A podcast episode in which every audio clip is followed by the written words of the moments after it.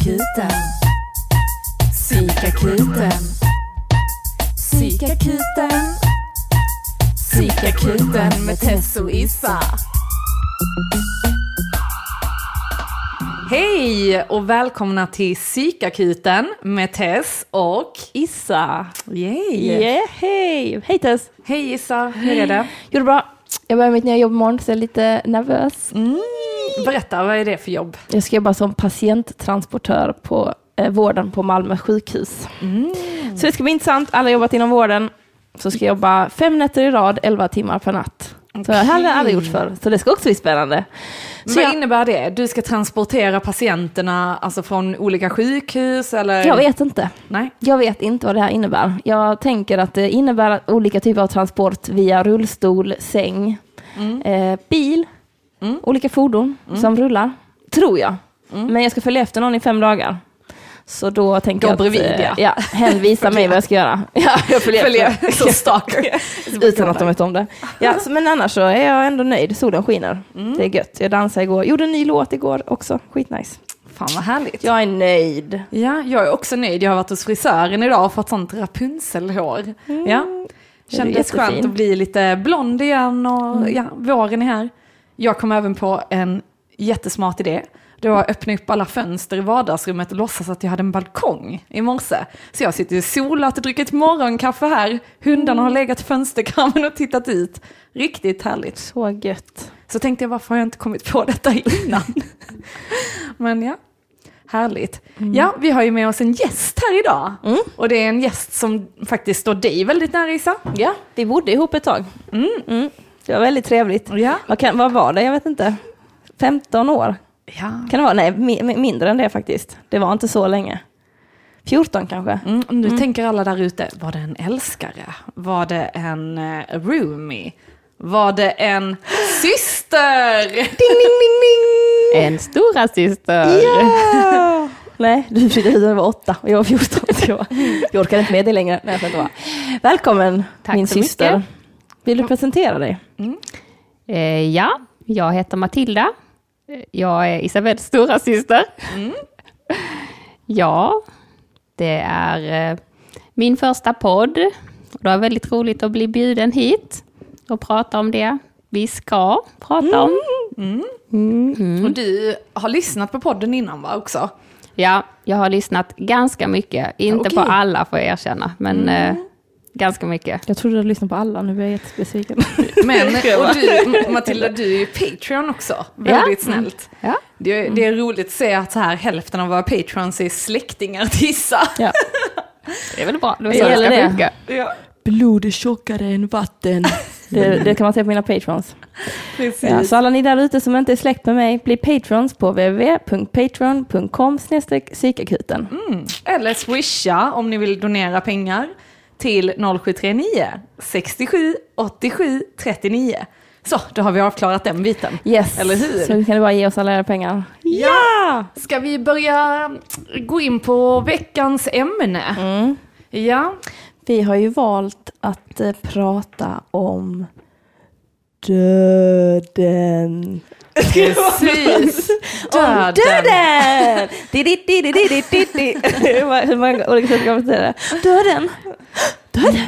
Ska jag vara. Ja, Va- döden helt Ja, enkelt. och det var ditt förslag Issa. Ja, det var det. För att jag tänker att det, det var också ett förslag innan hela den här coronagrejen började. Att jag ville att eh, bjuda in min syster och prata om döden. Om alla Var, grejer. var din, varför din syster och varför Ehm, döden? För att jag tänker så här att ehm, jag vet ett att du har lite issues med döden, Tess. Mm. Eh, du har lite issues. Du har inte riktigt fattat och kommit överens med döden. Ja, så absurt. Och jag vet även att eh, Matilda, att du har jobbar mycket med eh, äldre. Ja. Äldre, alltså inom vården. Som, även, som jag har då lärt mig så fint heter geriatrik, om ni inte visste det där ute. Nytt ord. Och jobbat med döden. Och sen tycker jag också det är spännande i det yrket som du har, vilket är läkare. Att man liksom, man har lite så, jag tänker att man har ansvar för liv på något sätt. På något sätt har man väl det. Jo, Ja. absolut. Eller? Jag och då är med. det också intressant. Och Sen är du ju en väldigt reflekterande och eh, introspekt... Vad säger man? Nu ska jag försöka hitta ett fint ord här. Introspektiv, heter det så? När man kollar in i sig själv. Ja, Jag något sånt kanske. Introspektiv, introspektiv, tror jag heter det. Ja, varsågoda, ett ord till här Ja. nu, varsågoda. eh, I alla fall, och det tänker jag att det, därför vill jag verkligen att du ska vara med. För att du har så kloka tankar kring livet och eh, dess eh, utmaningar. Där satte vi ribban för det här samtalet. Så ja, men jag menar jag och Tess är ju också kloka, vi, alla, vi umgås bara med kloka jävlar som vet grejer liksom. Så Men, att, eh, Jag vill fråga Matilda bara, men vilken typ av läkare är du? Eller så, vad är du utbildad inom för område liksom? Jag håller ju på att specialisera mig inom geriatrik, Okej. som då är äldre sjukdomar. Okej, säga. ja. Så det är eh, framförallt en specialitet eh, på sjukhusen. Mm. Men man kan också jobba på mottagningar, på minnesmottagningar och eh, på vårdcentraler, kanske med äldremottagning och med särskilda boenden och sånt. Okej, Intressant. Så det är en bred specialitet, men bara för äldre. Och definitionen är 65 år och uppåt, men i praktiken så träffar jag ju sällan människor som kanske är yngre än 70-75 i alla fall. Och sen kan det vara någon enstaka som är yngre än 65, men som har väldigt många olika sjukdomar och liksom en biologisk ålder som är hög, som gör att de kvalar in för den typen av vård vi har som ehm, är mer, jag skulle vilja liksom påstå, ja men när man blir äldre så blir ju folk eh, mer olika. För att det finns inte lika många kvar, lika många människor kvar för varje år som går. Så att gruppen som är kvar blir mer heterogen, alltså mer olik varandra. Medan vi, när vi är unga, så är vi ju flera som har varit med om ungefär samma saker, kanske i livet och i sjukdomar. Ehm, ja, vart jag nu skulle komma med det. Men så när man blir eh, äldre så behöver man liksom en annan typ av individanpassad vård, om man kan säga så. Annars, en 25-åring med halsfluss kan man behandla ungefär likadant oavsett vem de är.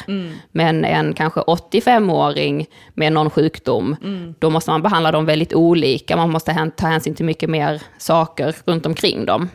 Det tycker jag låter väldigt alltså, positivt och jag tänker att det tror jag hade varit bra inom all vård. Eller så här. Ja, och, jag, och det är därför tänker jag att all vård är väl egentligen individanpassad, men eftersom vi är mycket mer lika när vi är yngre, så är det mycket lättare liksom att följa ett PM, om man säger så. För jag kommer ihåg när jag, jag tänkte också så här med äldre sjukdomar, eh, eller alltså sjukdomar som äldre får. För när jag blev sjuk i min ledsjukdom, då var jag ju på reumatologen. Jag var ju den enda 20-åringen där. och sen var alla liksom 75 plus liksom. Eh, och det är så himla, för jag har ju verkligen känt mig som en 90-åring i min kropp, trots att jag har varit i 20-årsåldern liksom. Att man är begränsad, man kan inte gå, man kan inte springa, böja sig eller klä på sig, eller alltså att man är helt Ja men man är fast i sin kropp liksom, helt enkelt. Ehm, och det är ganska intressant liksom just vilka sjukdomar som drabbar en under vilken tidsperiod liksom. Och som du nämnde, den där biologiska åldern Mm, tyckte jag var ett precis. intressant ord. Det har inte jag tänkt på förut. Att man liksom att man kanske är 45 men, eller, så, eller 20 och har samma problem som någon som är 80 som man brukar få. Mm. Mm. Det är spännande.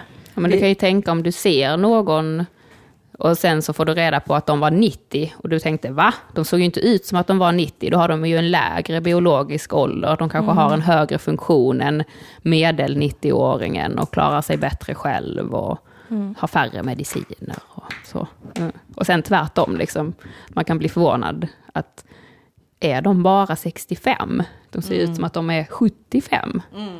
Ja. Då tänker jag på när vi var och såg Woodstock. Mm. många av de där som, skåd, eller artisterna som var med där som jag tänkte, ja men de måste ju vara 80 någonting. Liksom. Det var ju inte många av dem som ens var 80, 70 kanske. Jaha, Och de ja. såg ju lite slätna ut. Ja, de gillar också Woodstock och rock Ja. and roll. Så tänker, De har levt livet. Ja. Ja. Det är också intressant det där med typ att man kan välja, eller så, jag tänker lite så här med den här vågen att man ska vara så himla healthy hela tiden, så att man liksom orkar leva hela vägen, eller så, tills man är 120 eller vad det kan vara. Att man då inte lever ut kanske sina hämningar som gör att man hade en jättekul, men om man konstant lever så här, jag ska bara äta sunt och träna varje dag och inte, och inte ta droger eller experimentera med någonting. och sen bara, ja, det är ju jättekul, men det är också, jag som saknar, det verkar så jävla nice på den tiden när alla bara, fuck it, nu kör vi. Och nu alla bara, är du medveten om vad du gör med din kropp? Hela tiden. Ja. Ja, men det är mycket nytto, ja, mycket nytta och mycket framtid. Mm. Nu för tiden. Men sen också just det här att vi ska leva så länge som möjligt. Men är det kvalitet vi har? Alltså det är det inte så mycket fokus på, utan det är mer liksom åldern och så. Ehm, det tycker jag är väldigt intressant. Jag hade en gammel eh, mormor som var, ja men vad var hon? Hon blev 95 eller 96 tror jag. Så vi har haft många kvinnliga släktingar på min mormors sida som har blivit, alla har blivit över 90 liksom. Och männen dog för långt, länge sedan liksom. Men det har också gjort att de, de hade ju bara, hon hade sin syster kvar, alltså min gammelmoster. Men annars var de helt ensamma liksom. Alla deras vänner har gått bort, deras män har gått bort. Så de hade ju släkten som de träffade kanske tre gånger om året. Men de var så sjukt bittra båda två. De var alltid så, gud vad du har blivit tjock. Eller alltså liksom gick runt och tog liksom så här, eh, alltså letade efter damm när de var hembjudna och alltså skitelaka liksom. Och när man sa så, ja ja då ses vi till jul och de bara, det hoppas jag inte. Alltså för att de ville dö. man bara, vad fan? Och så får man höra om folks andra äldre släktingar som, ni vet, bakar kakor och är så himla käcka och glada. Jag var inte mina släktingar. Ja. ja. Det får man ju tänka på eh, eh, vår eh, farfar, grandpa Ralph då, i USA som, jag vet, jag satt en, eh, en sommar, det, jag, det måste ju varit när jag gick på, så jag vill säga att det var, var gymnasiet, tidigt på gymnasiet då. Satt, han och, satt vi och kollade i hans, eh, ah, någon sån här skolkatalog från han visade mig i alla fall den här, för han var ju med som blåsorkester, vad var det, saxofon eller vad han spelade för någonting. Ja. Eh, och då gick han igenom hela den här skolorkestern då. Eh, och bara, ja och han är död och den är död och han är död och den är död och han är död. Alltså var ju liksom, jag bara okej, alla var döda. Sen, han levde ju bara några år till själv sen också. Men eh, jag minns verkligen det, jag bara okej. Mm. Så Är det blir ju lätt ensamt. Men är det blir gammal. vanligt att det är alltså, kvinnor som blir äldre? Ja, man vet att kvinnor, eh, kvinnors medelålder är ett par år mer än mäns. Inte jättemycket, men Nej. eh, jag kan inte exakt, men det kanske är fyra år eller Ja. ja. något sånt där. Tre till fem någonting. Ja. Jag tycker det är så fint, alltså också sorgligt, men så här kärlekspar där en dör och sen så dör den andra bara någon dag efter. Jag är så, oh my god. men, eller ni förstår vad jag Ja. menar. Ja. Ja. Och sen om man inte gör det betyder det att man inte var kär egentligen. typ. Fan. Jag tänkte så, att nu blev Man hade fortfarande något kvar att leva för Ja, kanske. ja, det kanske är det. Ja, ja.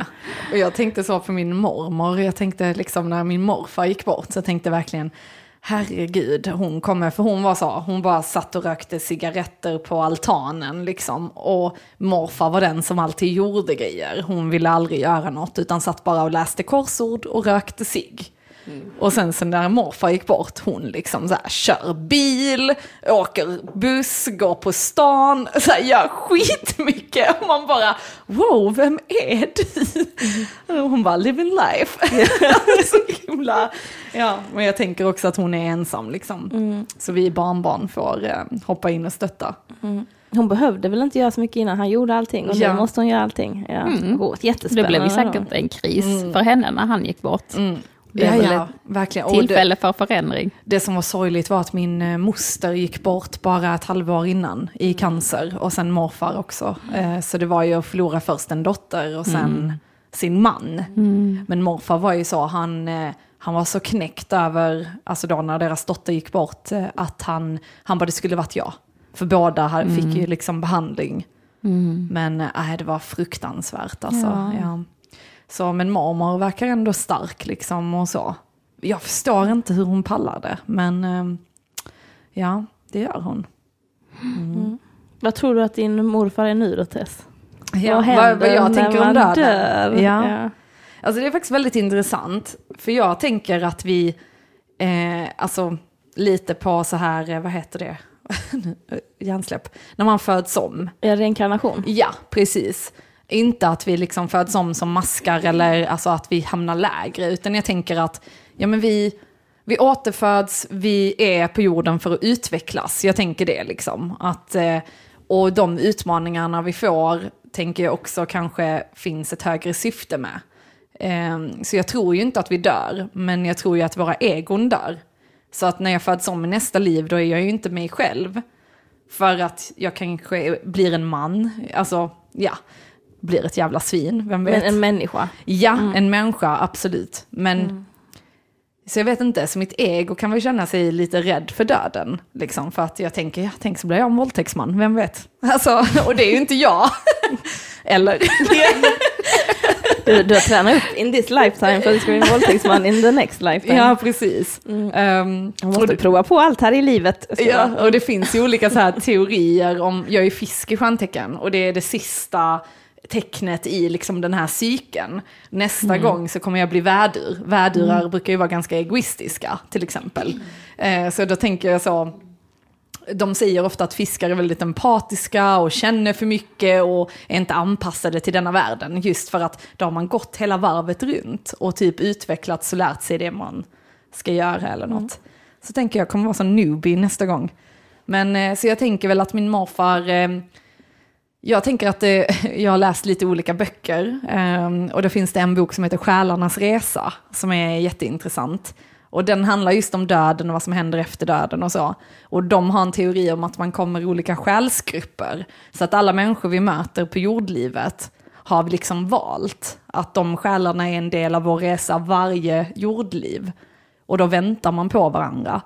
Så jag tänker inte att Jag hoppas min... jag verkligen inte att alla de jag har träffat är. Jo, men alltså för Nej. alla har ett syfte att liksom lära dig någonting. Så då tänker jag, jag tänker inte att min morfar föds om och blir mitt barn i detta livet. Utan jag tänker att vi väntar på varandra. Sen när vi föds om så kanske vi blir att jag har varit min eh, pappas mamma en gång i tiden. Alltså liknande så här.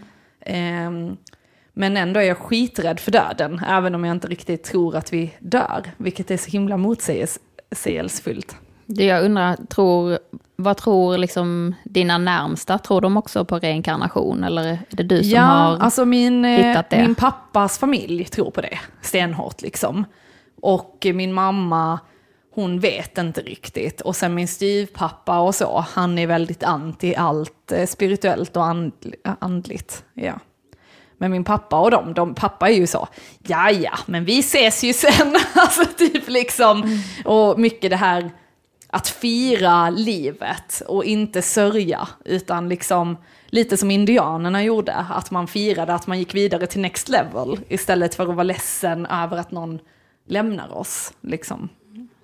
Men vad är det du säger att du är rädd? Vad är det du tänker på då? Jag För det låter ju rätt eh, harmoniskt och skönt det där du beskrev, beskrev precis. Mm. Jag tänker typ att, ja, men ofta kan jag tänka på det när jag ligger i sängen och ska sova. Och då kan jag tänka så här, tänk när jag inte finns längre.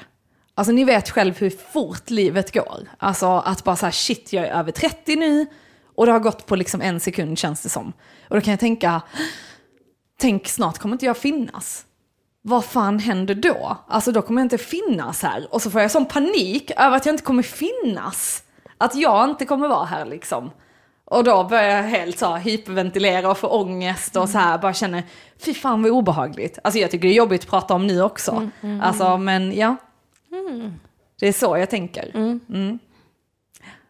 Mm. Intressant. Mm. Ja, nej men det är ju det här hela tiden, eller som diskuterar ibland, man hittar sig själv och finns jag, min existens liksom. Och som du säger, om allt det bara skulle upphöra, vad händer med mig då? Finns inte jag längre?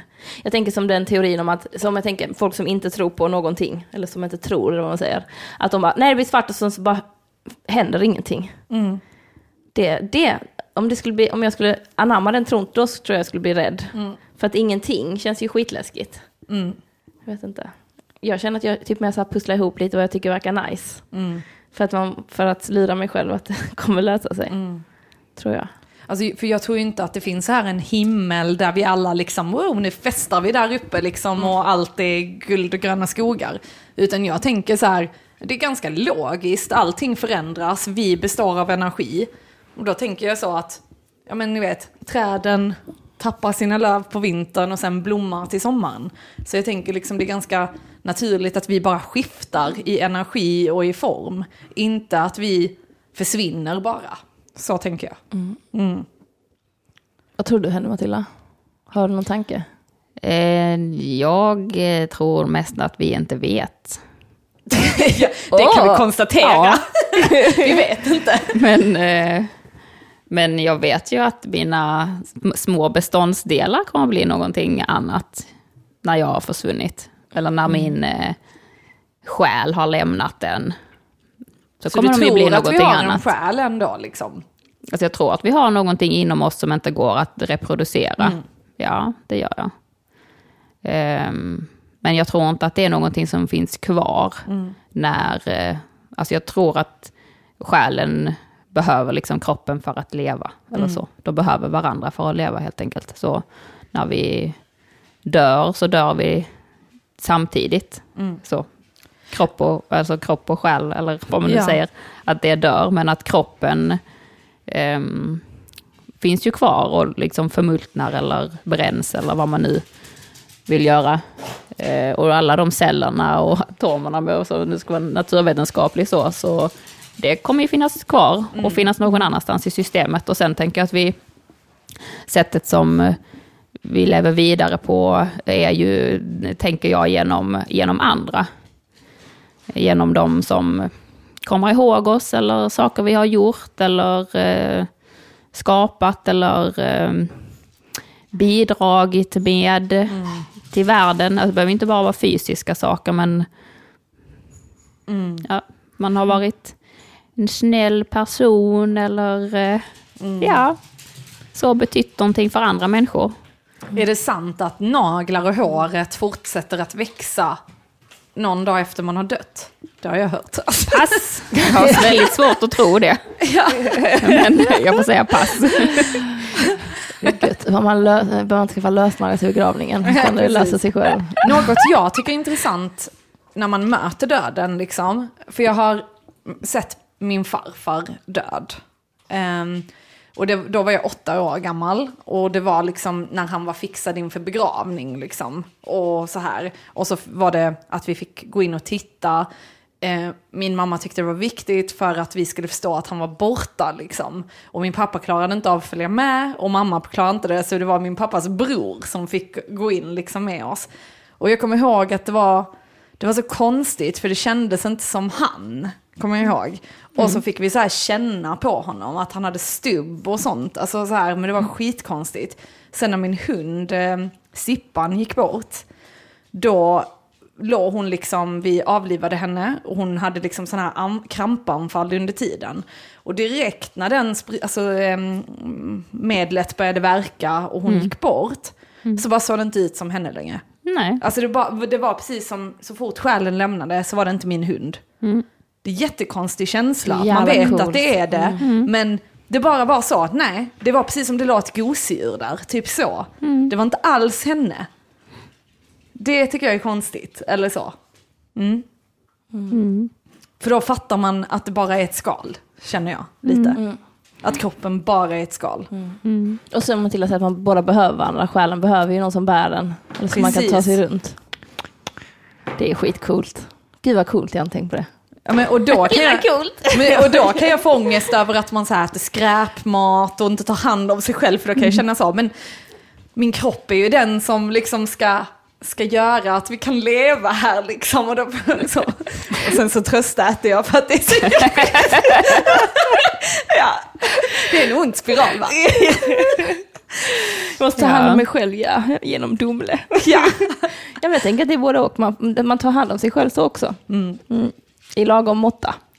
Såklart. Ja, men, och sen tänker jag på de människorna som går bort för tidigt. Alltså när det är så barn som går bort eller om det är så här, vi hade ju någon klasskompis, eh, eller inte klasskompis men så här, någon tjej som gick på vår skola och så får man höra så, hon söp aldrig, alltså hon drack aldrig, hon rökte aldrig, hon knarkade inte, hon tränade, hon var smal, hon var allt och sen så bara så här hjärntumör och så går bort. Och då känner man också så, men shit. Och där kommer hon var en jättegod människa. Alltså det som vi snackade om, supersnäll. Ja, Ja, alltså det var verkligen som en ängel. ja. Ja. Vad vi visste. bara, ja, ja. ja, det, hon, ja, hon, var en ängel. Ja. Men, men då kan jag också tänka på det liksom att det måste finnas en mening med saker och ting. För det är viktigt för mig. Eh, att liksom, ja men då var hennes tid inne och det finns en mening med saker och ting och sådana saker. Även om det kan vara väldigt ja, men provocerande att säga att saker händer av en mening om man är med om jobbiga saker och så, såklart. Men jag tror det någonstans. Mm. Så Ska du berätta nu Bellan? Ja, Vadå? Vad du tror? Ja, vad Vad du jag tror tror. händer? Du sa bara Jo, men jag tror på något sätt, något sätt på eh, att vi träffas allihopa. Alltså jag måste, jag måste få tro att, vi, att jag kommer få träffa alla när jag dör, som jag har dött. Så jag tänker först att det är lite så asatro, en liten fest vid ett runt bord. Och så träffar jag liksom mormor och morfar och typ så. Alla som jag känner att jag vill träffa kommer vara där. Liksom, som jag har bondat själsligt med. Eh, så då, först så börjar vi med det. Vi har lite nice fest. Och sen så tänker jag lite som eh, The Egg, om ni sett den på YouTube. Vi har pratat Nej. om Petrina, har pratat om henne, om den. Men där är det liksom att du fortsätter leva om tills du har lärt dig allting du ska lära dig. Så på något sätt kan jag väl känna att, att någonting måste hända, men jag vet faktiskt inte vad. Och jag tycker det är rätt skönt ibland att inte veta vad som händer. För att det är typ som, jag tänker lite som att veta när man ska dö. Det hade jag inte heller vetat. Alltså viss information. Eh, ja men det, jag tycker ändå man kan tillämpa det på corona. Viss information om corona så ska man inte ha. Alltså ingen vet ju. Nej. Att, om de hade sagt så, det kommer dö så här, exakt så här många människor, det kommer ta slut exakt då. Då hade liksom vi betett oss på ett annat sätt och kanske inte utveckling hade skett. Mm, precis. Så här, du hade liksom så. Men ja, det är intressant.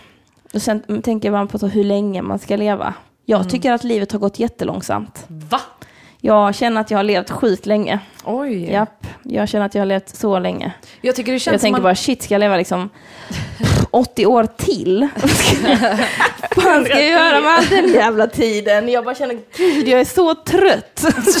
Så trött. Fast jag tänker typ så, det känns som man har haft olika liv. Alltså lite så här när vi var barn hade vi ett typ av liv. Och sen så har vi varit tonåringar, då var det ett typ av liv. Och sen, för vi har ju liksom ömsat skinn och liksom utvecklats. Men någonstans så känns det ändå som att det har gått väldigt, väldigt fort. När man var barn gick det väldigt långsamt. Nu tycker jag det går jättefort. Vips, Jag skulle har säga tvärtom. tvärtom. Va? Väldigt fort när jag var barn. Väldigt långsamt nu. Vi lever två olika liv. Ja, verkligen. Literally. Jag tänkte på det, jag var, gjorde så här eh, en, eh, eh, vad heter det? Fan, alltså idag, min hjärna står lite stilla. Det är den här huvudmassagen från frisören. Ja, precis. Jag var nära på att få böter också för jag ställde p-skivan fel. Alltså jag vet inte, men man, när man besöker tidigare liv i alla fall. Jag kommer inte ihåg vad det heter. Jag vet inte heller vad det Nej, heter. eh, men det Jag kan man göra. koncept. ja, ja, ja. Så jag var hos en kvinna som eh, sysslade med sånt. Jag vet inte vad det är. Alltså är det... Det är inte under hypnos utan det är typ under djup meditation liksom. Så är det guidad. Så började till exempel så här, jag ville inte gå tillbaka då, utan jag ville se framtiden. Jag ville liksom veta, vad kommer hända i framtiden och är jag med rätt kille? Är jag, alltså så här, vad kommer hända? Och sen så, så guidade hon mig in i att jag kom in i en hiss. Och så frågar hon mig direkt, åker du upp eller ner? Då ligger man ner liksom på en brits liksom. Och så kände jag hur hela min kropp blev skittung så jag åkte ner. Då fattade jag, ja, åker jag tillbaka såklart. Men när jag då var där så såg jag mig själv, först kom jag, detta är roligt. ja. Så såg jag Jesus på korset. Jag. Och sen så såg jag min bror komma. Och så kände, jag, jag liksom såg aldrig mig själv, men det kändes, vi var så här öken, ni vet så här, ja, men det kändes som typ Irak eller något sånt, jag vet inte. Och sen, sen så, så började jag skratta åt det när jag såg Jesus på korset, för jag tyckte det var, jag är inte troende själv heller, så jag tyckte det var jättelöjligt liksom. Men eh, sen så kom jag liksom djupare ner i meditation och hon fortsätter guida. Vad hände sen? Vad ser du? Och så vidare. Och sen helt plötsligt så eh, kände jag, alltså jag vaknade upp och var en man. Alltså så när jag tittade på mina armar så här, ni vet om man sträcker fram armar och händer framför en. Så var det så här sjukt grova händer och armar med svart hår och så här guldringar. Jag bara, och kände mig så här maskulin, det var jättekonstigt. Och så var jag på en äng. Och sen så bara kände jag hur jag ströps. Alltså hur någon tog livet av mig. Och jag bara började storgråta där på britsen och jag bara, jag kan inte andas och liksom var helt panikslagen. Och hon bara, vad händer om du släpper taget? Och jag bara, nej, nej, alltså du vet, stretade emot liksom. Och sen till slut så bara släppte jag och så kom det så här ljus. Och sen så fortsatte jag bara böla liksom och hon fick så här lugna mig. För det var verkligen som att någon ströp mig till döds.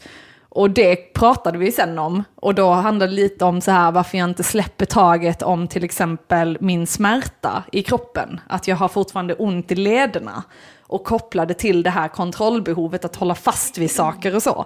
Så det var jätteintressant. Men, mm. Så då är det som att i ditt förra liv så var du typ en italiensk gangster, Ja, så typ. säger detta, som blev Fast det strypt såg på mer en ut äng. som... Det var, jag tänker, det tror jag ser det här framför mig. Och Nej, det, men, ja. det var mer så här liksom lilla huset på prärien, tänker jag mer. Okej, ja. Alltså ni vet så här, liksom bara en äng och ett gammalt, Mm. gammalt hus och så. Och sen i och med jag ville gå framåt i framtiden, då så avslutade hon med en liten så här meditation där hon bara, du ser en äng och så ser man det liksom. Och sen är det ett hus, beskriv hur det ser ut. Så var det så gammalt, vildvuxet, liksom så. Och så går man in i huset så börjar hon, skulle jag gå upp för en trappa, och det är så häftigt för att jag ser det hon beskriver innan hon har sagt det.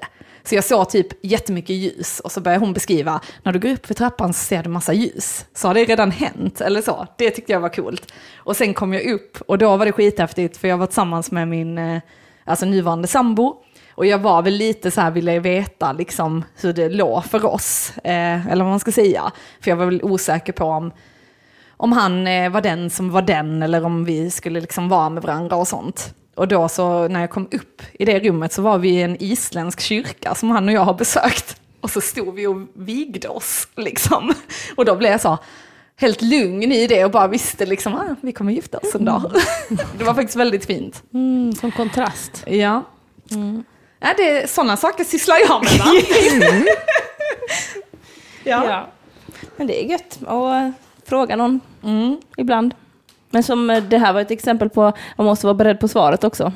Först blir du strypt och sen får du gifta dig. Det var ju ändå gött, Mm. tänker jag. Det var en fin avslutning i alla fall. Men jag hade inte förväntat mig att se något heller. Så det var ändå coolt att, för jag var helt så, oh my god det kommer inte eh, funka, tänk så kommer det inte funka. Alltså att jag var jätterädd för att det inte skulle fungera. För det är ju skitmånga som går dit och besöker sådana men de ser ingenting eller känner inget och så. Men eh, nej, nej, det funkar skitbra. Så det var jättehäftigt. Nice. För jag tänker, jag vet att båda ni två har ju varit med om att människor vet att de ska dö. Och vara med dem. Mm. Oh, skithemskt. Jag vet att du har varit, jag har inte varit med någon, alltså inte mormor, men hon var inte medveten liksom. Eller så, hon var inte medvetande på det sättet liksom. Tänker jag. Men eh, det skulle jag gärna vilja prata om och ställa lite frågor om. Ehm, jag tänker att eh, jag tänker Matilda, du, jag tänker att du får, har väl någon gång gett någon ett besked om att det inte ser ut som att man kommer överleva, eller? Ja, visst. Det Ja. har jag. Ja, Absolut. Men, i oli- men alltså i olika tidsperspektiv. Men Ja. ja, men ja. alltså hur menar du? När du säger så? Alltså, mm, om man tror att någon inte överlever så många dagar så är de ju inte alltid eh, liksom mentalt eh, klara att eh, själva ta emot det beskedet så att säga. Men då kanske det är mer deras anhöriga eller så man pratar med. Mm. Eh, men eh, eh, alltså svåra besked som eh, cancer eller om man har en svår långvarig lungsjukdom eller hjärtsjukdom eller något sånt har jag ju pratat mer om. Mm. Hur känns det, eller jag antar för första gången man skulle ge, beskedet och sen utvecklingen till nu, eller så. Hur kändes det första gången? Jag tänker svåra samtal som är en Ja. jättestor del av jobbet ju. Att man ska berätta för någon det. Att vara the, the messenger liksom. Jo, det är det ju. Och, så, och då tror jag att eh, vi säkert gör väldigt olika, eh, vi som jobbar med det. Men eh, jag kan ju komma ihåg eh, under mina, mitt liksom första eller kanske andra år när jag jobbade, eh, att jag hade en äldre dam som låg inne på avdelningen som visade sig hade en spridd cancer. Det är liksom inte jätteovanligt att, att vi hittar det eh, när ja, en äldre person läggs in och man vet inte riktigt vad det är som har hänt. Och så när man börjar nysta liksom, så kommer det fram så. Och då hade jag gått och pratat med eh, den här personen då, som nog inte var jätte... Eh, var nog lite minnessviktande, jag kommer inte ihåg exakt, men jag, jag hade den känslan i alla fall nu när jag tänker tillbaka. Så vet jag att hennes dotter också var med. Så jag hade pratat med dem och sen så när jag kom tillbaka så eh, sa då den överläkaren som jobbade med förvånat, jaha, gick du och pratade med dem själv? Jag trodde det var sånt som du behövde mig till. Men eh, det var tydligen, jag tyckte ju att det var något som var viktigt och reflekterade inte själv över att jag liksom ville eller kände att jag kunde gå och göra det själv. Mm. Så jag tror att det egentligen alltid har tilltalat mig att... Eh, att för folk att de ska... ja, men att få, ta, att få ta hand om människor när de förstår att de inte mm. har så länge kvar att leva. Eller för det, mm. det, det är ju det är så mycket roligare, för det är så mycket andra saker som är viktiga då, än liksom vad det är för någon eh, jobbig behandling man ska erbjuda eller inte. Och eh, ja, jag vet inte. Det är så många saker som blir oviktiga. Så mycket andra saker som liksom man kan komma fram till vad som är det viktiga. Vad, vad brukar vara det viktiga liksom? Ja, var man vill dö brukar ju vara en sån sak som folk kan vara ganska så klara på om de vill mm. dö hemma. Mm. Eller om de absolut inte vill göra det, till mm. exempel. Mm. Och ehm, då finns det ju olika särskilda boenden, det finns ju hospice, eller det man kallade mm. hospice för, eh, palliativvårdsavdelningar. Så, mm. Ja, och annars, eh, alltså tyvärr, och det är det som är lite tråkigt, så brukar jag inte följa dem så länge. Utan oftast så träffar jag ju dem på sjukhuset. Mm. Och så är de ju där några dagar eller någon vecka eller kanske mm. två. Eh, och då hinner man ju prata en del. Um, men det är mest att så frö, tänker jag. Mm. Så att de själva liksom kan fundera. Mm. Och det är ju alltså de här existentiella frågorna och det är mycket ju oro om om de frågar någonting, sen kanske det är liksom om... Ja, många vill ju veta hur länge har man kvar och det är ju liksom ingen som kan svara på det. Mm. Eh, det vi vet är att vi, speciellt eh, inom läkarkategorin, så är vi ju ganska dåliga på att gissa. Mm. Och det är ju för att vi inte är den som liksom ser hur det går när du går in själv på toa. Mm. Eller om du kan klä på dig själv på morgonen eller inte. Mm. Så man är ju inte den som står närmast, utan man ja, står lite längre bort. Och mm. vill man väl kanske gärna lägga på lite mer tid, oftast mm. är det väl så. Och sen vet man ju aldrig, det, det behöver ju inte vara så att man dör i det som man mm. har fått. Man kan ju alltid dö av någonting annat. Mm. Så det är ju alltid jättesvårt att veta. Men man brukar ju kanske kunna känna så här, är det ett år? Eller är det några månader? Eller är det mm. några veckor? Mm. Men väldigt försiktig med vad jag säger. Och oftast så det är liksom inte det... Ja, jag vet inte. Är det det som är det viktiga när man förstår att man snart ska dö? Mm. Exakt hur länge man har kvar. Mm. Men det är en sån sak som brukar komma upp, som brukar fråga. Mm. mm. Var ska man dö? När ska man dö? Hur kommer det gå till? Mm. Så. Mm. Alltså jag kommer ihåg för min uh, moster låg på hospice. Och där var det också när jag träffade henne, för hon, hon hade fått reda på att hon hade cancer och sen hade det spritt sig. Så hon hade gått i flera år till sjukvården men de hade liksom inte, de hade med, ja men du ska ha sjukgymnastik eller, alltså de hade liksom inte, hon hade väl inte, de hade inte upptäckt det. Och sen när hon fick reda på att hon hade cancer och opererades och det hade spritt sig och det var på flera ställen och så, då var det liksom fyra månader kvar att leva bara. Så det gick så himla fort. Mm. Och sista gången jag träffade henne satt jag och gav henne healing där på hospice. Och hon bara tittade på mig och grät och bara jag vill inte dö, jag vill inte dö. Mm. Alltså det var så fruktansvärt. Mm. Och hon var ju verkligen så här, hon drack några sådana vitaminläskjuice som var något sånt, alltså ni vet som de säljer som ska vara, oh detta räddar dig, alltså typ så. Och bara liksom, hon var bara skelett liksom och mm. ja, det var så hemskt, alltså det var fruktansvärt. Mm. Ja, men de som har jag... så väldigt svår ångest, det, det, mm. de är ju jättesvåra att mm. hjälpa. och, det, och det blir ju jättejobbigt för en, en själv Ja, att, eh, att vara där för dem också. ja. Mm. Ja, gud alltså. Och jag tänker, vi hade inte så nära relation, men jag tänker på hennes tre barn, alltså mina kusiner. Nej, fy. Alltså, ja. Mm. Mm. Men, är det, det finns ju som- ändå, liksom, det finns ju ändå, alltså alla, det finns ju jättemycket kuratorer för Mm. bara vanligt samtalsstöd och så finns ju mycket lugnande mediciner och har man liksom det jättejobbigt så kan man ju få, man kallar det för palliativ sedering och det är i princip att man nästan, man får väl så mycket lugnande och så att man sövs så att man, Inte dödshjälp. Nej. Utan det är liksom... eh, nej det är bara så att man inte känner att man inte behöver vara med, liksom, man behöver inte uppleva Mm. Det är kanske vanligare vid svåra smärtor, men Mm. man kan säkert, det är ju svårt. Alltså har man mycket ångest har man säkert också svåra smärtor, kroppsliga smärtor. Ja, det går ju liksom hand i hand. Ja, jag tänker om man har varit sjuk så mycket och så. Ja, Ja. det är datorladdning på G.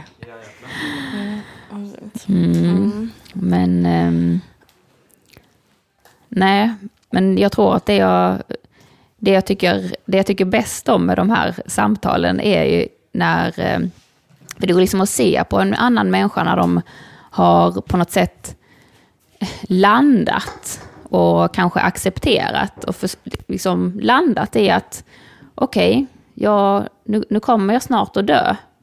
Och liksom att det är okej. Det, sy- det syns liksom.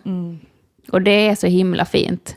Jag kommer ihåg en eh, man som, han var nog ändå ganska gammal, men han var väldigt eh, vital. Alltså han var biologiskt inte så gammal, men i, i den kronologiska åldern så var han ju nog eh, som också fått en svår, alltså en spridd cancer, en svår typ av cancer som man inte botar. Liksom. Och många barn hade han och, och de var ju där nästan varje dag och vi pratade mycket. Eh, men han hade ju inte riktigt landat innan han fick komma hem från sjukhuset. Men sen så blev han återinlagd och då var han inte hos mig, men jag kunde inte låta bli att gå bort och säga hej till honom. Och då så såg han ut som en sån lugn, eh, jag vet inte vad man ska säga. Ja, Och hittat Sån. frid liksom. ja men precis, Ja. han, hade, han hade ändå landat liksom. Okej, nu kommer det vara så här. Och det är då, tänker jag, det är först då man kan börja tänka, vad är det nu som är viktigt då? Vad är det nu jag vill liksom? Spännande att det tar den, det. Och jag hoppas att man det tar kan komma fram till det snabbare. Eller förstå, Ja. att man kan förstå vad som är viktigt i livet innan man, någon berättar för en att du kommer inte ha livet så länge. Ja. för man kom, vi vet ju, alla tre sitter här, vi har inte livet för evigt, det vet Nej. vi. Men vi vet ju inte, ingen av oss lider av en sjukdom som de, någon har gett oss något datum på. Ja, liksom. men jag tror knappt att man kan säga att vi vet. Nej. Nej, Alltså jag tror inte det. nej. För jag tänker, Tyvärr. Men om man då får den känslan, okej, ja men jag kan dö imorgon, så då väljer jag väl att leva eller vad man nu ska kontra med liksom. Jag tänker också på det här att när man, ja men jag hoppas att det blir, att jag blir så gammal så att jag vill, alltså dö. Alltså lite som att nu är jag redo för det. Så att det inte är den här rädslan och man känner att man inte är färdig. För det är väl nog det jag är rädd för. För pratar jag med mina gamla släktingar då, då var de ju redo. Alltså för det var liksom, ja men kom igen jag pallar inte mer liksom. Alltså, Så jävla skönt. ja. Jo, men sådana har jag också Ja. träffat flera stycken som patienter. Och eh, det är ju, kan ju också vara svårt att eh, berätta eller prata om att man faktiskt helst inte vill leva så mycket längre. Fast man kanske inte är jättedeppig eller Nej. eh, liksom skulle gå och hoppa från en bro. Men det hade varit, hade varit helt okej om livet tog slut nu. För det är inte alla som vill höra det heller. Inte, inte, inom, alltså inte inom vården heller. Det är ju lite läskigt om någon säger så till en. Då måste man ju börja tänka, ha, vad ska vi nu göra? Är det något, måste, ska man behandla det här på något sätt? Eller?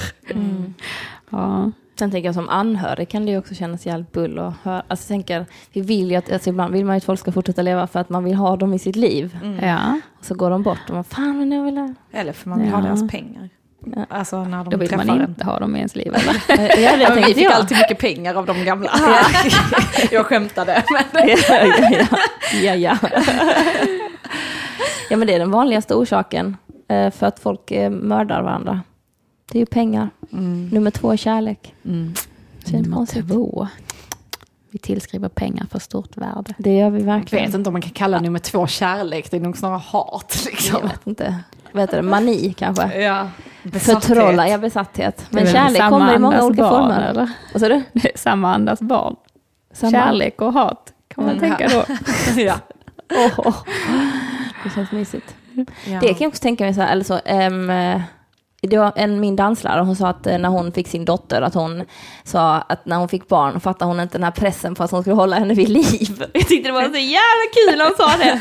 Hon bara, nej, du vet ingen berättar att man bara föder barnet och sen bara, alltså jag måste se till så att den här inte dör nu. Att det var det hon tänkte så här, jag får inte låta den här saken dö nu. Alltså jag tänker, jag, ibland kan jag känna så, eller det närmsta upplevelsen, jag har inga barn, så jag var så här, okej jag har fått en stickling från en kompis nu. Jag måste så att den här plantan blir fin, så att den inte dör. Och det, en gång dog en av mina plantor och jag grät för att jag kände att jag inte hade upp- uppfyllt mitt mål. Och då tänkte jag, nej men då är det ju, jag kan ju inte, förstår du, det är det närmsta jag kommit till en sån, jag har inte haft husdjur, ingenting. Nej, så jag har nej. inte varit i den delen. Jag tyckte det var så kul att man, ja, men jag tänker, man vill ju leva, man vill leva, leva om sina barn, vill man säga.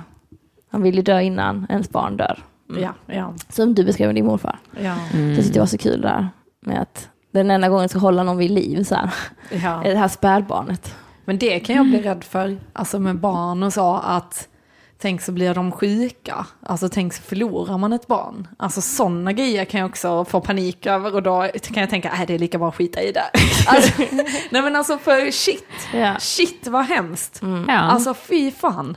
ja. Ja, nu får jag ångest igen. Ja, dödsångest är nog, jag kan inte relatera till mycket ångest. Men detta! Ja. ja. Men du har ju ändå haft en del död runt omkring dig tänker jag. Du har ju som ändå hanterat det. Genom förnekelse. jag vet inte. Jag har fortfarande, alltså jag är- ju väldigt andlig och jag tror ju ändå på så här kontakt med andevärlden och så. Jag brukar alltid be min farfar liksom titta till mig och alltså så här. Men sen morfar dog så har jag inte gjort det överhuvudtaget. För jag har inte riktigt accepterat att han är borta. Så jag har kvar hans mobilnummer och inte alls så här när jag ber, om jag ber så här till liksom mina änglar i universum så tänker jag aldrig morfar där. Utan det är så, nej nej, han är inte. Det är intressant också. Mm. Du kanske inte har släppt iväg honom riktigt än då. Nej, jag tror inte det heller. Nej. Och det är Men ändå allt har väl sin nu. tid. Mm. Ja. Mm. Åh. Mm. Jag kan ju inte, jag kan inte säga att jag tror att vi finns någonstans eller att våra själar är samlade någonstans. Jag tror liksom att de försvinner när kroppen försvinner. Det är liksom, jag tänker att det är en, ja, någon slags beroende symbios eller någonting. Mm. Vadå, eller vad menar du med det? Alltså att själen och kroppen inte går Mm, att, mm. alltså de inte går att skilja åt. Så. Att vi dör som ett liksom. Mm. Utan att vi, att vi finns kvar på jorden. I vår, det, vi, ja, men det jag sa, liksom det vi gör, det vi lämnar efter oss, liksom, det avtryck. Att det, och det, att det inte är en liten sak, liksom, utan Mm. att det är en stor, att man kan lämna ett stort avtryck efter sig. Mm. Eller att alla människor egentligen gör det. Mm. Eh, Men Vissa glitter Sen finns det ju bajs. vissa som kanske kommer att nämnas i många år, eh, århundrade framöver. eh, Mm. Typ stora artister eller fredsskapare eller krigsherrar eller något sånt där. Men mm, att den lilla människan finns ju också där med sitt avtryck. Jag tänker ibland så att man kan ha olika, man kan ha olika livs... eh, på datorn. Att man kan ha olika livs... ehm, eh, livsexperiences får man välja vilken man vill ha, för man kan inte få alla och det måste, vissa måste du göra inom en viss tidsperiod, exempelvis som barn. Mm. Så här, den experiencen måste du ju liksom på något sätt ha inom en viss tidsram, om du vill ha dina biologiska egna. Och det är en upplevelse du kan ha. Du kan ha en upplevelse att vara singel i 35 år, så kan du välja den upp, livsupplevelsen. Mm. Förstår jag menar? Och det tycker jag är lite roligt att tänka på. Du kan välja upplevelsen av att studera på universitet. Hur upp, vad hände när jag gjorde det? Mm. Och var det roligt eller vad man nu vill jobba med? Och Det är det jag tänker, då brukar jag välja vilken teori om döden jag vill ha för att motivera mig mest för att uppleva mest. För reinkarnation kan jag tycka ibland är så här, ja men då kan jag göra det nästa liv. Och det är inte så motiverande för mig. Så det är mer så här, du har bara chansen nu. Du har bara ett liv. Så lev det till fullo.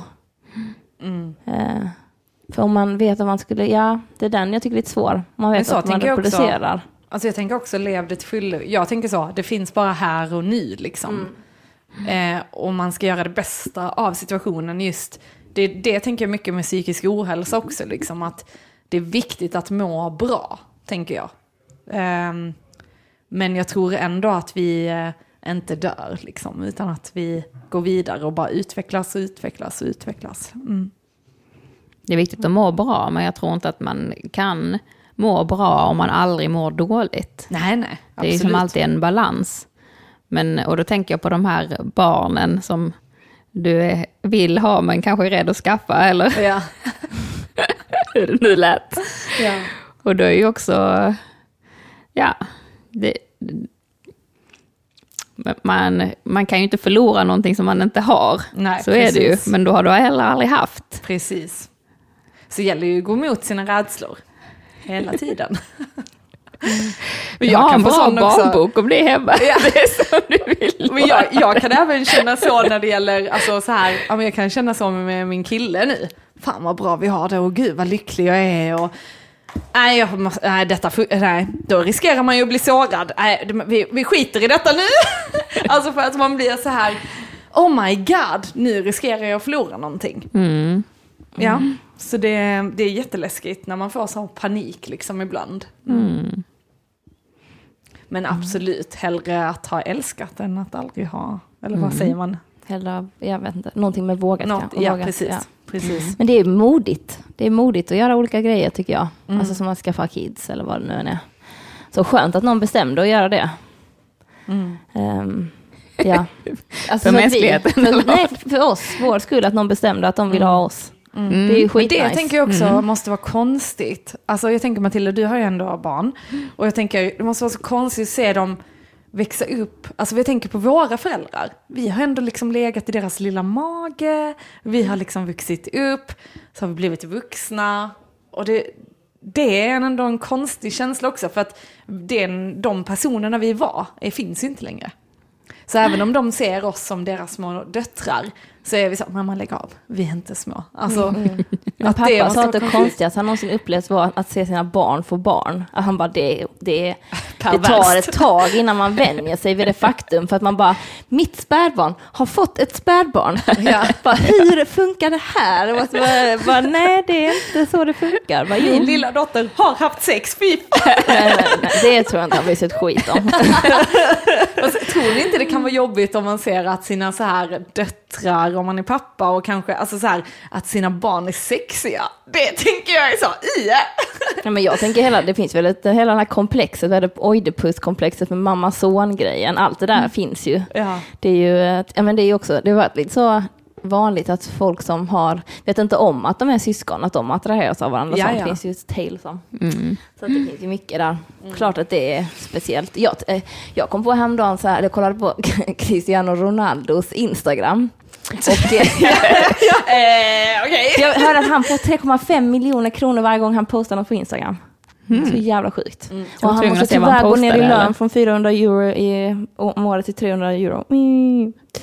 I alla fall, han har fått en ny flickvän och hans son ett, var typ kanske 10 när de träffades och hon är rätt ung och hon är jävligt snygg. Och jag tänker det måste vara ett skevt jävla förhållande. Det är inte hans mamma, men alla hans syskon, det är han, alla hans syskons mamma.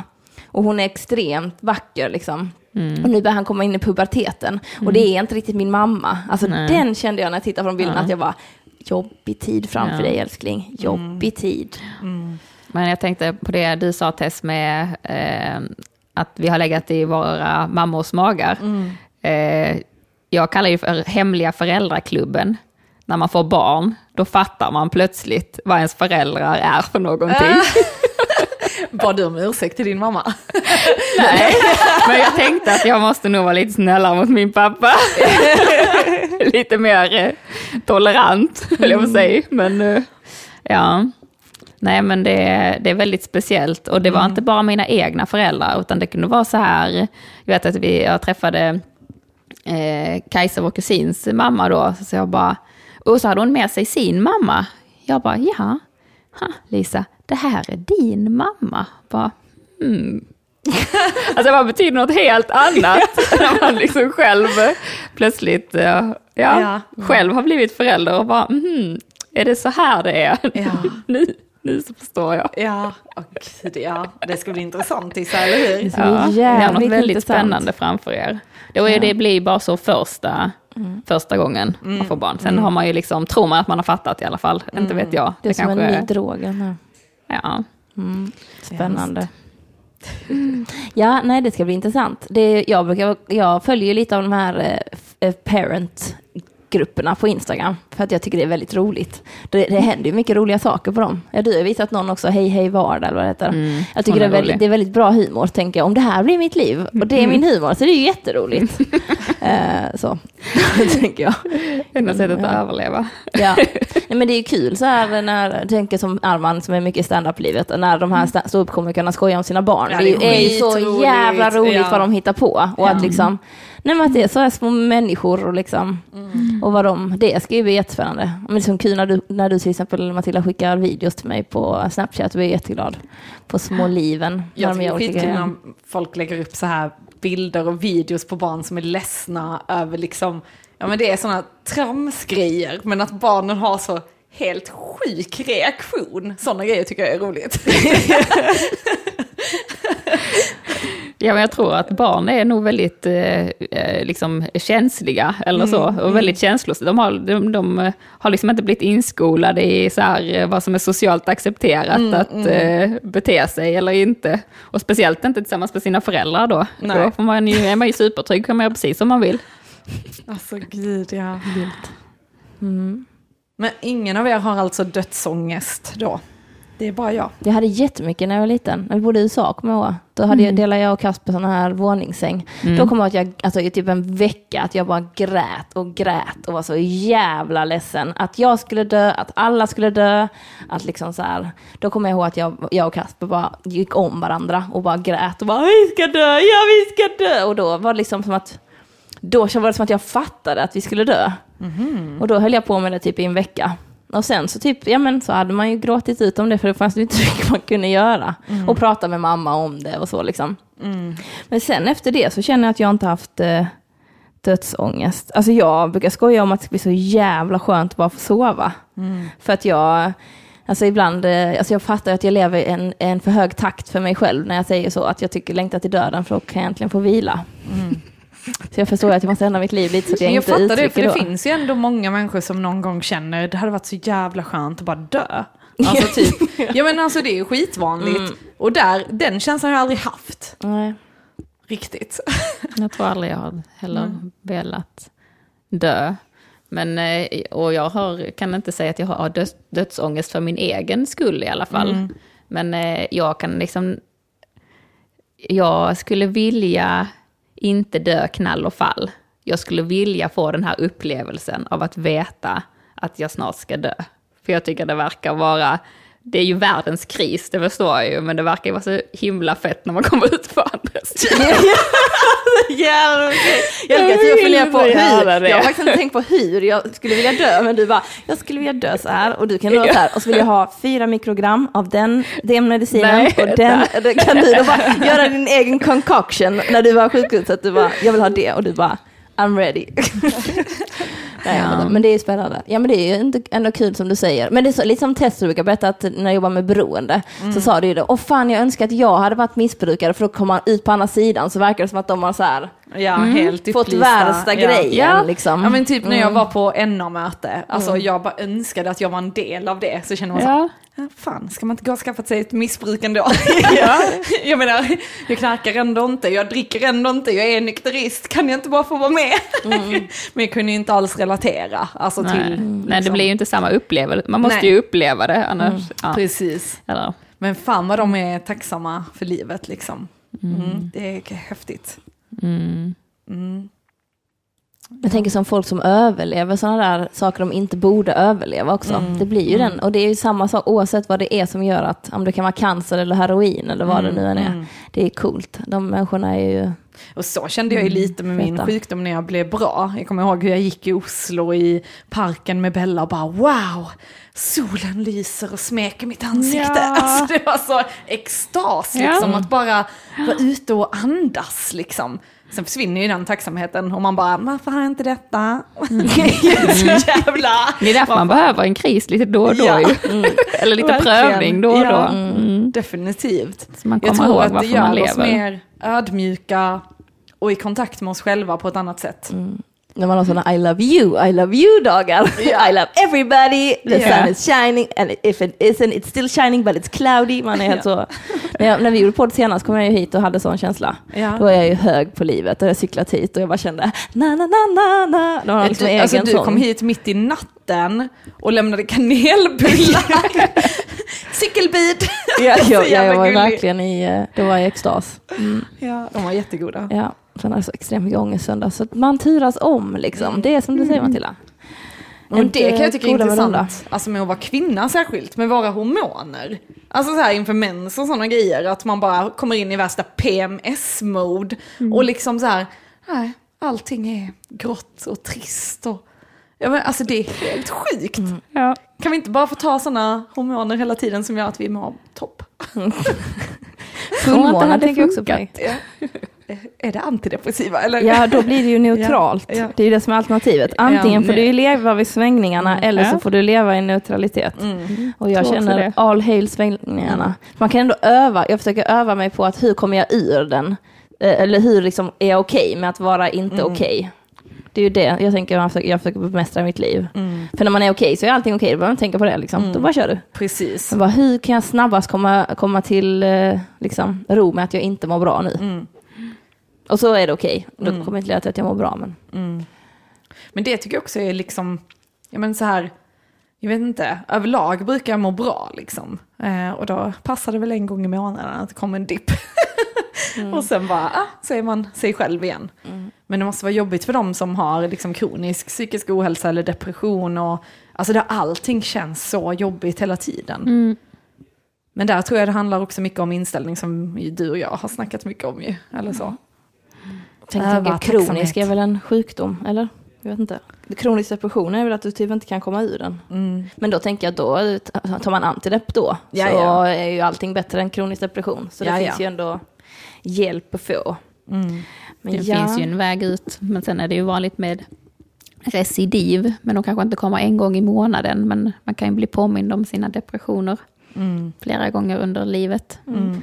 Men har man haft det en gång så kan man ju hoppas att man, lite som du säger, att man kan känna igen det och att man vet att man har ju rätt ut det en gång och Mm. att det finns en, en ljusare väg framåt. Det blir mer som en, kanske en, en, en kris, tänker jag, precis som eh, kanske PMS kanske inte blir en kris, men Nej. det blir ju liksom att man Ja, kan vara väldigt, och det är väldigt skönt när det går över. Det är ju ungefär som när man är dunderförkyld. Det är så himla skönt sen när man är frisk. Ja. Det är liksom, ja. Sen man har man glömt tacksam. det efter två Ja. dagar. Men jag, t- jag tänker också att det är lite som typ, ja, men första gången man hade en relation och sen så bara så här, jag kommer aldrig överleva om det skulle ta slut och sen gör man det så är det så, ja, jag klarade faktiskt mig, det trodde jag inte, men ja, det gjorde jag. Alltså en sån grej liksom. Ja. första gången. Men jag tycker det är roligt för det känns som att alla människor kommer till de här kriserna någon gång under sin livstid. Och jag vet att min sambo som har varit utbränd, hans kompisar börjar komma in i sådana kriser med utmattningssyndrom och liknande. Och de har ju så här sett ner på folk som alltså, har varit det tidigare. Lite så, ja ja, du snackar. Alltså att de inte riktigt fattar vad den människan har gått igenom och kan vara ganska icke ödmjuka inför vad andra människor faktiskt har gått igenom. Och sen nu så är de mer så, jaha, shit förlåt, nu fattar jag vad du... Alltså för att de själva då får gå igenom det. Det tycker jag är väldigt intressant. Och när man gör det, jag kan känna att jag hade min kris redan liksom i 20 år, 19-årsåldern. När hade du din? Nu, för något år sedan? När jag var 27. 27? 27 ja. till. I don't know when it's gonna be over. Nej men den lättar successivt. Matilda, du då? Har du haft? Nej men det är väl eh, samma som eh, Isabelle. Sen tror jag att jag hade nog lite kris när vi flyttade till USA också när jag var tonåring. Det var väl inte super, inte den bästa, bästa tiden i mitt liv. Det är så roligt att, vi, att du liksom åker dit när du är in full teenage bloom och jag är liksom nio och kunde inte bry mig mindre om någonting fortfarande typ. Så himla... Hur gammal var du då? Jag var 13, Ja. fyllde 14 det året. Ja. Hur länge Det var skönt där? att komma hem. Ett år. Ett år. Ja, Sen började vi personlighetsförändrade. det är sant. Jag börjar bli det i alla fall. Ja, ja det, var, nej, men det var också en upplevelse. Men det var ju bra. Jag är så jävla glad att vi inte levde våra liv där efter det. Alltså Ja. shit. Jag undrar om jag hade varit idag. Jag hade inte varit. alltså från att jag var nio, att växa upp också, om vi hade växt upp i Orange County också där. Ehm, och, Och så ja. kan jag känna lite Malmö. Jag är så glad att vi flyttade till Lund. Vem hade jag varit annars? Du hade varit den här håriga armen med guldringarna, fast det hade varit nu. Kul. Ja, men det är gött. Mm, men det är gött att leva. Det Ja. är det ju. Ja, det är Mm. det. Och som eh, vår kära mor har sagt till mig många gånger, att när det gör som ondast, det är då man känner att man lever. Och när det är så gör som godast, liksom. Fast upp, nej, me- mest ondast. Då vet man att man existerar, som du beskriver Tess, att man finns. Det är då man verkligen känner att man finns. När själen och kroppen måste det ju vara. Båda två uttrycker en ajabaja, det här är inte roligt. Mm, Verkligen. gött. Mm. Ja, känner ni er eh, att vi börjar bli klara? Ja, jag Ja. känner att det, ja, vi ska bara Vill ni ha ha en liten... eh, ja. lässtund här? ja, det ska vi ha. Det var så roligt för eh, jag har ju varit ledig nu. Det är ju påskvecka. Så eh, jag är hemma med barnen. Som då är två och fem år gamla. Så eh, låg vi ute i hängmattan idag för det var ju så fint väder. Och åt eh, mellis och eh, läste böcker. Och då hade Emil passande nog då valt ut den här boken som heter Alla dör. Som vi har köpt då när han hade sin eh, dödsångestperiod som säkert varade i ett halvår. Och han är bara Eh, fem. Ja men precis, men det, man brukar väl ha det där någon gång, fyra, fem. Jaha. När man mm, på något sätt förstår att alla ska dö. Och Ja. man själv ska dö och alla runt omkring en ska dö. Så den här boken heter ju då Alla dör. Och då tänker jag läsa de sista raderna här, för att de är liksom så... Den är väldigt, den är väldigt humoristiskt skriven, men de här sista raderna är väldigt fina tycker jag. Så nu ska ni få höra. Om ingen skulle dö, hur skulle det då vara? Bättre eller sämre? Det kan vi fundera på. Men säkert, men kan vi säkert veta? Det tror jag inte. Det enda jag vet säkert är, vi lever just idag. Nu är boken slut, men livet pågår en stund till. Så passa på att leva det på vilket sätt du vill. Ditt liv är bara ditt och det har ingen levt förut. Det är unikt och värdefullt just för att det tar slut. Fint. Ja, tack för det. Och sorgligt. Varsågod. Ja, jag vet. Jag håller nästan på att gråta när jag ska läsa den varenda gång när vi kommer till slutet på den här jäkla boken. Jag bara, "Ja, du vet, det kommer det här. Ja. Och med de orden tycker jag vi avslutar och tusen tack Matilda för att du gästade podden. Tack så jättemycket. Tack själva. Ni får ha det så bra. Lev livet nu Lev era liv. Lev! Lev nu då! Ut och gör allt som du ska för snart är det slut. Tjingeling! Tjingeling.